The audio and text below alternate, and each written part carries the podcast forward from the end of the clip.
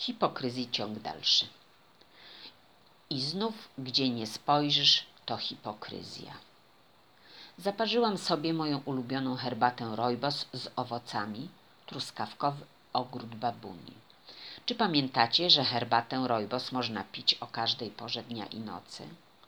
Rozmyślałam nad książkami, które ostatnio przeczytałam, nad prasą, którą codziennie czytam oraz nad filmem Patryka Wegi, Polityka, który już widziałam.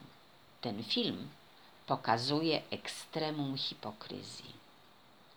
Wrażenia tuż po projekcji filmu. Moim zdaniem, przy wyborze takiej formuły opowieści, jaką wybrał reżyser, trudno o zaskoczenie. Fabułę tworzy zbiór przerysowanych, luźno ze sobą połączonych faktów z życia wybranych polityków, z pierwszych stron gazet. Osobiście wolałabym, aby Patryk Wega zdecydował się na większą dawkę humoru, co uczyniłoby film bardziej lekkim i zabawnym. A tak zobaczyłam świat polityki jako koktajl hamstwa, hipokryzji, niekompetencji i beznadziejnej głupoty, o czym i tak, nie wiem skąd, byłam przekonana. Moim zdaniem, przerysowując bohaterów, oddalił ich od rzeczywistości, pozbawiając mnie możliwości poczucia choćby małej, malutkiej dozy sympatii dla nich. Na początku filmu śmiech towarzyszył każdej scenie. Po pół godziny nie chciało mi się już z niczego śmiać. Z każdą minutą fabuła coraz bardziej wbijała mnie w fotel. Przed oczami jawił mi się Stańczyk, ten z obrazu Matejki, tylko że nie zasmucony, ale szlochający. O wszystkich przedstawionych aferach wiedzieliśmy od dawna z mediów. Jedyne media, które je przemilczały, albo wybieliły, albo nadały im inny kolor, to media państwowe. Ale to już inna bajka. Reżyser do filmu wybrał najlepszych polskich aktorów. Grający aktorzy nie tylko charakteryzują się profesjonalizmem, ale i odwagą. Wszyscy, bez wyjątku, zagrali genialnie. Szczególnie utkwiły mi w pamięci role zagrane przez panią Ewę Kasprzyk, pani premier, i pana Andrzeja Grabowskiego, prezesa.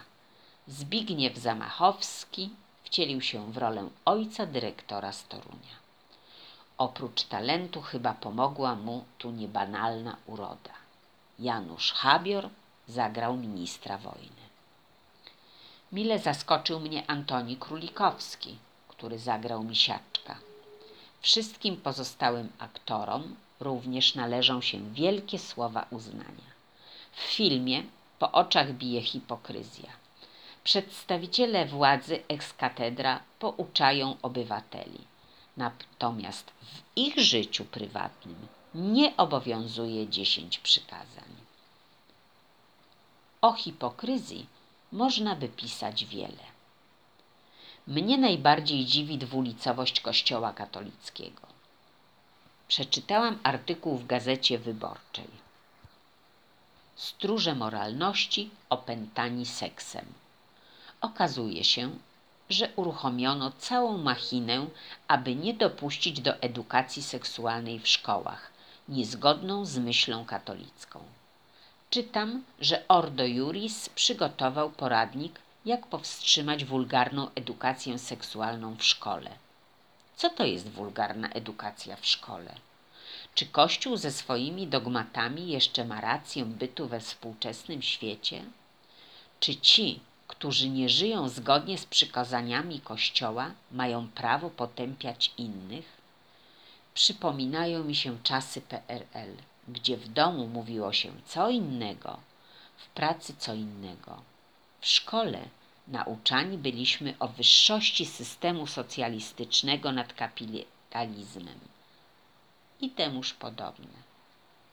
A wszyscy i tak swoje wiedzieliśmy. Wojciech Młynarski napisał kiedyś: Róbmy swoje. Pewne jest to jedno, że róbmy swoje, bo dopóki nam się chce, drobiazgów parę się uchowa, kultura, sztuka, wolność słowa, dlatego róbmy swoje.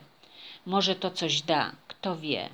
Nie jedną jeszcze paranoję przetrzymać przyjdzie robiąc swoje. Kochani, róbmy swoje, żeby było na co wyjść.